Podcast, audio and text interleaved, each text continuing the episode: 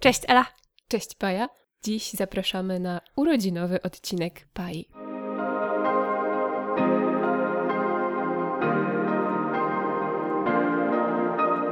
Bardzo nam miło wrócić do Was po takiej przerwie i znów nagrywać. No i właśnie tak się składa, że w piątek Paja świętowała swoje urodziny. E, część z Was już złożyła piękne książkowe życzenia. Bardzo miło nam obu się je czytało. E, I e, dzisiaj postanowiłyśmy, że z okazji tych urodzin Paja wybierze książki, o których opowiemy, w ramach takiego trochę prezentu dla Was, trochę prezentu dla siebie. Więc możesz nam już zacząć powoli zdradzać, co wybrałaś i dlaczego. To w ogóle jest bardzo fajny pomysł. Ja tak uważam, że to jest bardzo fajny pomysł i już nie mogę się doczekać Twoich urodzin, żeby zobaczyć, co Ty wybierzesz, bo to była taka okazja, żeby wrócić do tego, co jest na półkach, co już czytałam dawno, dawno. To jest nawet jedna taka książka, którą po prostu zdjęłam z półki i pomyślałam, hej, świetnie się to czytało, opowiem Wam, co pamiętam, przeczytam ją jeszcze raz i zobaczymy, czy dobrze, czy dobrze pamiętam i czy te wrażenia jakoś tak e, zostały ze mną, więc właśnie to była świetna okazja, żeby sobie pooglądać, co tam na tych półkach leży. E, też robiłyśmy trochę porządki i sprzedawałyśmy książki, więc też przy okazji jakby co, co, co, we, co ze mną rezonowało w ostatnich latach i tak dalej. Co więc stało, a co już się sprawdza na dłuższą metę, tak, prawda? Tak, dokładnie. Więc więc mm, nie wiem, czy jest klucz do tych książek, bo one są dosyć różnorodne, ale wybrałam na przykład taką jedną, którą czytałam ostatnio i która zrobiła na mnie ogromne wrażenie. E, jedną taką, którą czytałyśmy obie i ją uwielbiamy. Mhm. E, jest też książka, który, o której już wspominałam na pewno ze trzy lub cztery razy przy okazji jakichś różnych odcinków, że o tym opowiem Wam kiedy indziej i chyba w sumie nadszedł wreszcie czas, e, żeby właśnie do kiedy indziej było dzisiaj.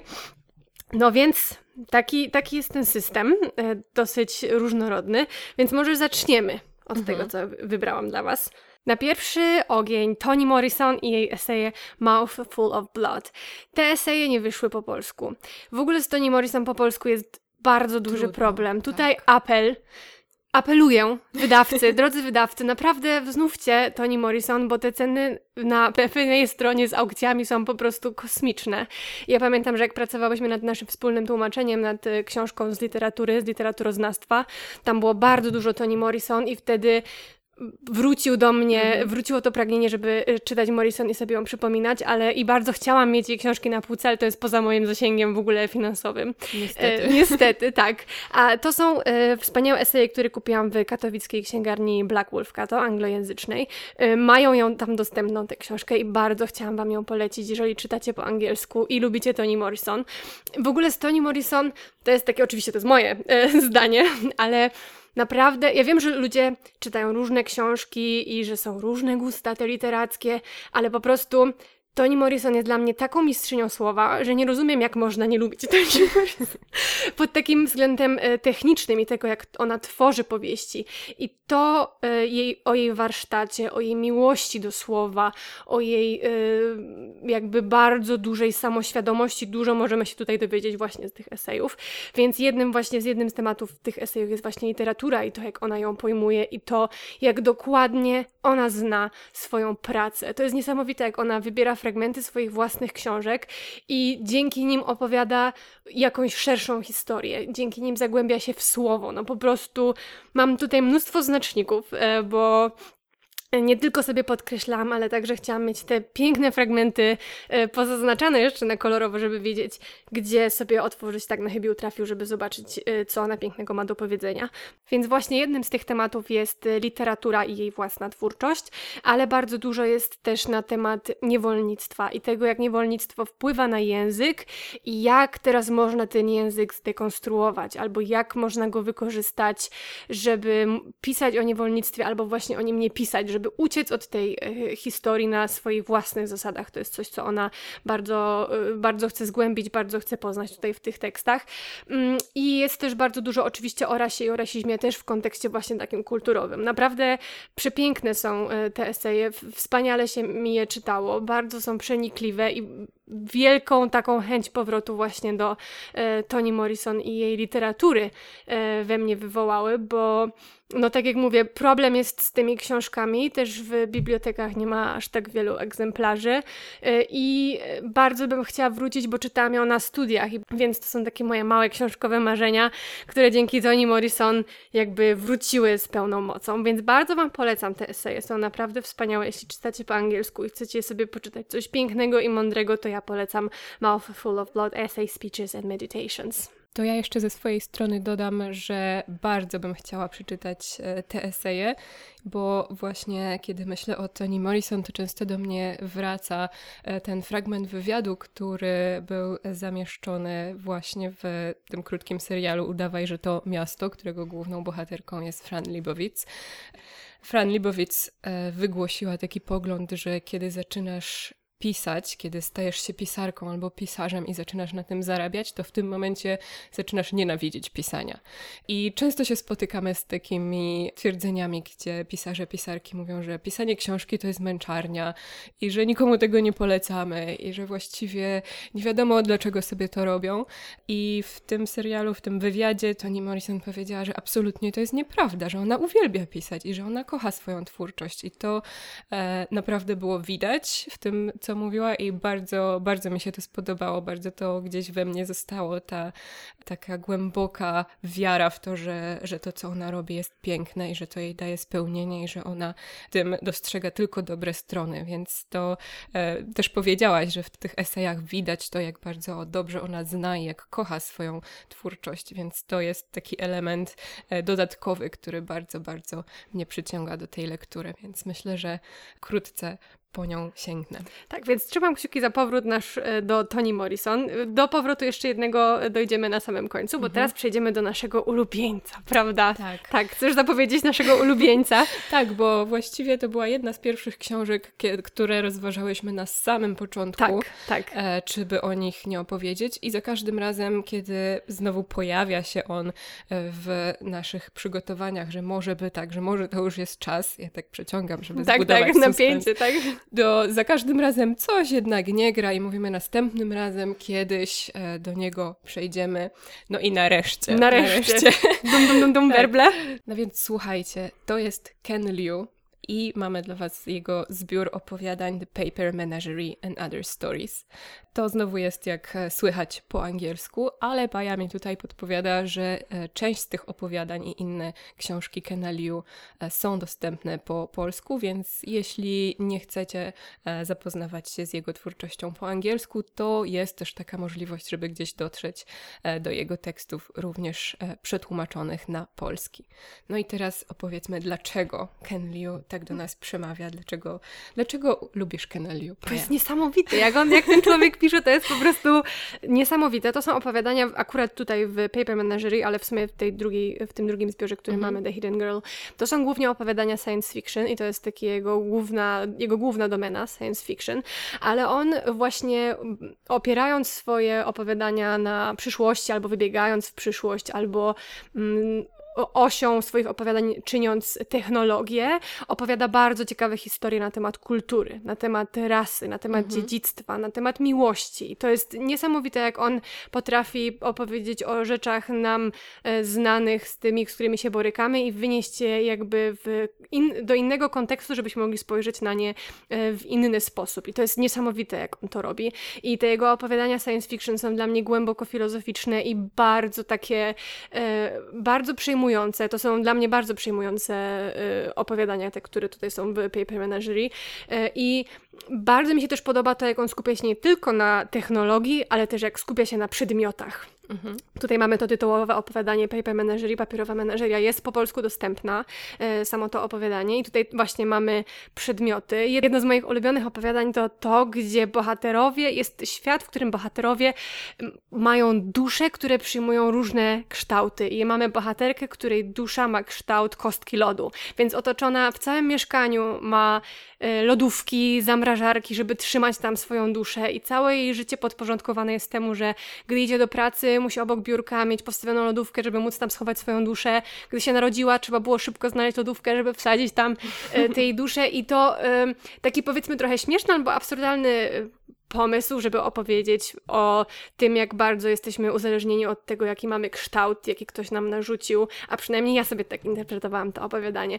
Więc tutaj bardzo tych takich wiele tematów właśnie o tym, kim jesteśmy, co nas definiuje, co się dzieje, kiedy tracimy kontakt z jakimś swoim dziedzictwem, bo tutaj pojawia się też bardzo dużo um, odwołań do kultury Chin i co to znaczy być e, emigrantem, co to znaczy być dzieckiem rodziców, którzy uciekli ze swojego kraju, jak to jest tracić w tym drugim pokoleniu kontakt z krajem, który dla jego rodziców był bliski, więc bardzo tutaj dużo takich ciekawych zagadnień. Nie wiem, jak ty odbierasz te opowiadania, co dla ciebie w nich było ważne. E, ja chyba najbardziej lubię te opowiadania, które stawiają takie pytania, które ja często sobie stawiam poprzez inne lektury, na przykład przez reportaże, przez e, książki, które dotykają tematów e, historii albo społecznych, kiedy mowa o tolerancji, o tym, jak zderzają się ze sobą kultury, co nami rządzi w społeczeństwach. I Ken Liu też jest świetny w zadawaniu takich pytań, tak jak mówiłaś, poprzez przenoszenie ich na inny grunt i przez budowanie świata. W ogóle on ma niesamowitą wyobraźnię. To jest dla mnie jeden z pisarzy, który naprawdę ma wyobraźnię bez granic, który nas zabiera w takie miejsca, e, w które ja sama bym nie dotarła w mojej wyobraźni. E, I właśnie do moich ulubionych opowiadań należą te chyba jedno z ostatnich, albo w ogóle ostatnie, gdzie um, ludzie odkryli możliwość, jak przenieść się do przeszłości, żeby być świadkiem historii i e, móc na własne oczy zobaczyć, co się wydarzyło. E, ale jest to możliwe tylko raz. I tutaj stawiamy pytania e, o to, kto właściwie jest świadkiem historii, kto o niej opowiada, czy jest coś takiego jak obiektywne opowiedzenie o tym, co się wydarzyło i czy to coś zmienia, jeśli my to zobaczymy na własne oczy. I kiedy wydarzyła kiedy... się ta historia, skoro dokładnie. tylko raz możemy wybrać tylko jeden moment, to kiedy jest ten moment tej historii? Kiedy, kiedy dokładnie ma miejsce wydarzenie, o którym jakby się uczymy albo które podajemy za fakt, prawda? Tak, więc właśnie bardzo dużo tu jest e, takich opowiadań, które przenoszą nas w jakieś naprawdę magiczne, niesamowite miejsca, a które jednocześnie są bardzo silnie zakorzenione w, w naszym świecie, w tych pytaniach egzystencjalnych, które e, sobie zadajemy na co dzień. Więc nie wiem, czy możemy jeszcze bardziej polecić e, Kena Liu.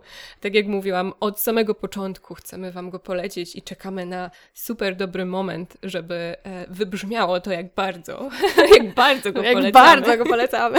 I cieszę się, że wreszcie nam się udało o nim, o nim opowiedzieć i myślę, że e, słychać chyba w tych naszych opowieściach e, tę głęboką miłość i duży szacunek do, do jego twórczości. Więc to była polecajka numer dwa. Teraz polecajka numer trzy, czyli nazwisko, które już pojawiło się w paru odcinkach. Gdy usłyszycie to nazwisko, pewnie skojarzycie, co to mogły być za odcinki. A jest to książka Dziękuję za świńskie oczy, a autorem jest Dariusz Gzyra. Tak zawiesiłam teraz głos, bo chciałabym e, bardzo Was zachęcić do przeczytania tej książki. To jest dla mnie niesamowicie ważna książka. Taka, która pozwoliła mi spojrzeć na zwierzęta, bo jest to książka o zwierzętach, o weganizmie, o prawach zwierząt, o tym, jak zwierzęta nam towarzyszą. I to jest książka, która pozwoliła mi wyjść poza, y, naprawdę otworzyła mi wiele takich mm, skojarzeń, albo wiele drzwi mi otworzyła w kierunkach, o których ja nigdy wcześniej y, w ogóle nie zwracałam na nie uwagi. Y, mam tutaj na przykład na myśli zwierzęta domowe i nasze koty, psy, które trzymamy w domach i to, jak o nich myślimy i to, jak je traktujemy. Miałam się za osobę bardzo empatyczną i mającą duże zrozumienie tego, jak nasza relacja ze zwierzętami, tymi, które mamy najbliżej, już nie mówię o tych biednych y, hodowlanych zwierzętach, o zwierzętach w rzeźniach, tylko o tym, co jest rzeczywiście najbliżej nas. I naprawdę Dariusz Gzyra potrafi zwrócić naszą uwagę, jak bardzo czasem y, skrzywiona jest ta nasza relacja z naszymi najbliższymi przyjaciółmi, zwierzętami, które mamy w domu, jak bardzo często zamykamy się w jakichś prostych rozwiązaniach, jak często krzywdzimy te zwierzęta, nie wiedząc, że powielamy szkodliwe wzorce. Więc to była naprawdę dla mnie bardzo taka odkrywcza i taka bardzo e, przyjmująca dla mnie prywatnie e, książka, kiedy mogłam dowiedzieć się czegoś więcej e, o moim własnym stosunku do zwierząt, które mam najbliżej, czyli do naszych kotek. I oczywiście tutaj są E, nie tylko zwierzęta domowe, oczywiście te zwierzęta hodowlane też, jest dużo o cyrkach, ale co myślę jest bardzo ważnym kontekstem dla tej książki jest to, że to jest po prostu książka o Polsce i o polskim kontekście praw zwierząt i o polskim nazwijmy to tak, może niefortunnie podwórku, mhm. gdzie e, te zwierzęta trzymamy albo gdzie się z nimi spotykamy.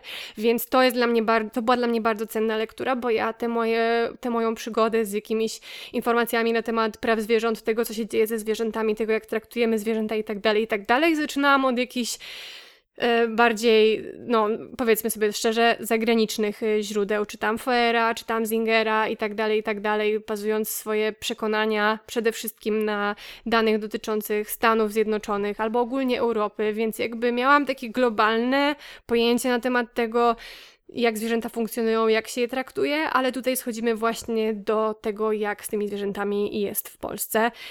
I te eseje, które tutaj mamy, są e, no, Wspaniale napisane, bardzo filozoficzne, ale bardzo też przystępne. Ja w ogóle bardzo lubię śledzić Dariusza Gzyrę w mediach społecznościowych i śledzić jego nowe teksty, które się pojawiają, więc y, możecie go znaleźć na stronie krytyki politycznej i zobaczyć, y, jak, o czym on pisze, jak pisze, jaki jest jego punkt widzenia i może w ten sposób dojść do tej książki, którą bardzo Wam polecam. Ja mam jeszcze pytanie do Ciebie, bo ja mam wprawdzie wrażenie, że czytałam tę książkę, bo bardzo dużo mi opowiadałaś o tym i bardzo dużo też e, widziałam fragmentów z tej e, książki i u Marty, którą pozdrawiamy, i u innych osób, które e, tak jak ty są e, zachwycone i przejęte tymi tekstami, ale chciałam zapytać, bo w tym odcinku, e, gdzie mówiłyśmy sporo o różnych książkach o zwierzętach, ty zrobiłaś takie rozróżnienie na książki, które są bardziej teoretyczne, mają jakieś podstawy naukowe, czy oczywiście, że wszystkie te mają podstawy naukowe, ale niektóre zamykają się w tym kontekście bardziej naukowym i takim akademickim, a inne wychodzą dalej i sięgają raczej po takie empatyczne podejście i które tutaj dominuje, czy oba? Może oba, ale bardziej myślę to empatyczne mhm. i to bardziej skupione na jakichś jednostkowych przypadkach albo na jakichś konkretnych wydarzeniach, które miały miejsce. Tutaj z kolei dużo też jest o aspektach prawnych. Mhm. To było dla mnie osobiście bardzo ciekawe, ale ta cała książka nie jest tylko y, próbą porównania, co się mówi w prawie, a jak to wygląda naprawdę. Ale mamy też tutaj takie bardziej, powiedzmy, filozoficzne albo życiowe pytania, na przykład czym jest cierpienie i jak wygląda cierpienie zwierząt, jak wygląda nasze, i czy jest mhm. jakieś rozróżnienie między jednym a drugim, i, i jak to cierpienie wpływa na tą naszą relację, i czy jesteśmy znieczuleni na to cierpienie y, zwierząt, a kiedy y, na nie zwracamy uwagę. Więc takie zarówno y, bardzo, powiedzmy, duże tematy, mhm. dobro i zło w kontekście naszych relacji ze zwierzętami, ale też właśnie z jakiego, próba jakiegoś takiego takiego unormowania, jak się zmienia e, na przykład nasze podejście do zwierząt w miarę jak zmienia się, zmieniają się przepisy prawne. E, trochę też jest w kontekście Unii Europejskiej i tego porównania, jak jest, co się dzieje w Unii, co się dzieje w Polsce. Więc e, tak bardzo przekrojowo i mhm, zawsze ciekawie, tak. Wszechstronnie. Tak, dokładnie.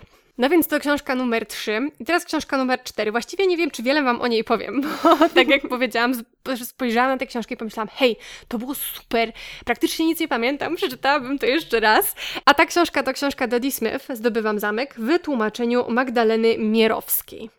E, znowu jakiś taki zamek. E, zawsze mieszkałyśmy w zamku, ale to Właśnie jest. to samo chciałam powiedzieć. Od tego zaczęłyśmy i teraz takie urodzinowe wyzwanie, powrót do tego zamku w innym wydaniu. Tak, i to jest bardzo inne wydanie, bo zawsze mieszkałyśmy w zamku Shirley Jackson, to jest dosyć straszna książka, a Zdobywam zamek Dodie Smith to jest naprawdę super ciepła i miła książka, a przynajmniej ja ją tak pamiętam. E, I to jest pamiętnik e, nastolatki mieszkającej w Anglii w latach 30. XX wieku i o tym, jak mieszka w zamku. E, I właściwie fabuły za bardzo w tej książce, jak dobrze pamiętam, nie ma. Tutaj jest bardzo dużo na temat relacji e, pojawiających się w jej życiu. To, jak ona podchodzi do swoich bohaterów, jest oczywiście bardzo takie emocjonujące, trochę może romantyzowane.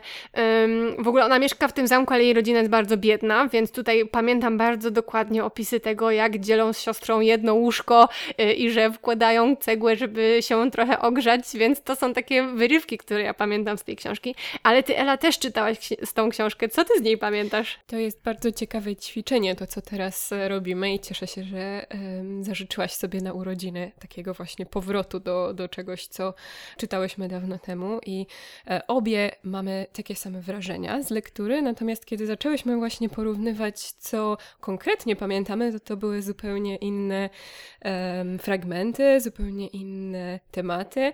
Ja pamiętałam um, przede wszystkim naturę, która pojawiała się w tej książce e, i może nawet nie tylko naturę, ale też krajobrazy, ten, e, całe te okolice tego zamku, czyli to chodzenie, wdrapywanie się na wieżę i krajobraz, który się stamtąd rozciąga, albo fosę, albo studnie. Ja pamiętam te... tylko tę błotną fosę. Błotna fosa, dokładnie. Więc całe to otoczenie takie jednocześnie e, romantyczne, trochę podupadające, pokazujące właśnie e, ten niegdysiejszy splendor, a tą obecną biedę i e, no trochę też takie oderwanie od życia gdzieś w jakichś większych ośrodkach, bo ta rodzina znajduje się jednak trochę na uboczu i wszystkie te relacje, o których wspominałaś, wydarzają się właśnie trochę tak w oderwaniu, więc ta jej opowieść też dzieje się w takim trochę zamkniętym kręgu, co jest bardzo, bardzo ciekawe. Ja pamiętam, że z jakiegoś powodu, nie wiem właściwie dlaczego tak się stało, ale kupiłam tę książkę i byłam przekonana, że ona będzie nudna. Dziwna sytuacja, ale. Kupować książkę z przekonaniem, że będzie nudna. Pamiętam właśnie, że e, siadałam do niej z takim mm, nastawieniem, że to będzie jakaś taka klasyczna bardzo lektura, która owszem będzie wartościowa, ale że będę przez nią trochę tak brnęła e, i że to zajmie mi mnóstwo czasu. I słuchajcie, tak się wciągnęłam, że przeczytałam ją w kilka wieczorów. Ja dokładnie to samo pamiętam, że ja po prostu usiadłam i ją przeczytałam, była super. Że, e, bo właśnie tak e, z opisu trochę brzmi, że to będzie życie rodzinne, że to brzmi tak bardzo powolnie, natomiast tutaj te relacje są na tyle dynamiczne i ta narratorka, ta dorastająca dziewczyna, dla której, tak jak mówiłaś, wszystko jest e, ekscytujące, wszystko tak troszkę z taką nastoletnią egzaltacją jest opowiadane, ona bardzo potrafi nas wciągnąć w ten, w ten świat i e, myślę, że to chyba ten, ten głos e, wyjątkowy narratorki jest tutaj decydujący. Ja mm, właśnie nie wiem, na ile sobie to wyobrażam, a na ile tak było, a na ile ja chcę, żeby tak było, ale mam wrażenie, że ta książka dzieje się przez kilka miesięcy i że na pewno tam jest lato i jakoś tak mam wrażenie, że to by pasowało do trochę kończącego się lata. Jest mi trochę smutno, ale może ta książka podniesie mnie na duchu, tak e, trochę wracając właśnie do tych opisów przyrody, które nie, których nie pamiętam tak dobrze jak ty, ale może właśnie to będzie idealna lektura teraz na e, sierpień, wrzesień, żeby sobie jeszcze tak wrócić do jakiejś takiej beztroski wakacyjnej, z, której tak, z którą ta książka trochę mi się kojarzy. Więc zobaczymy.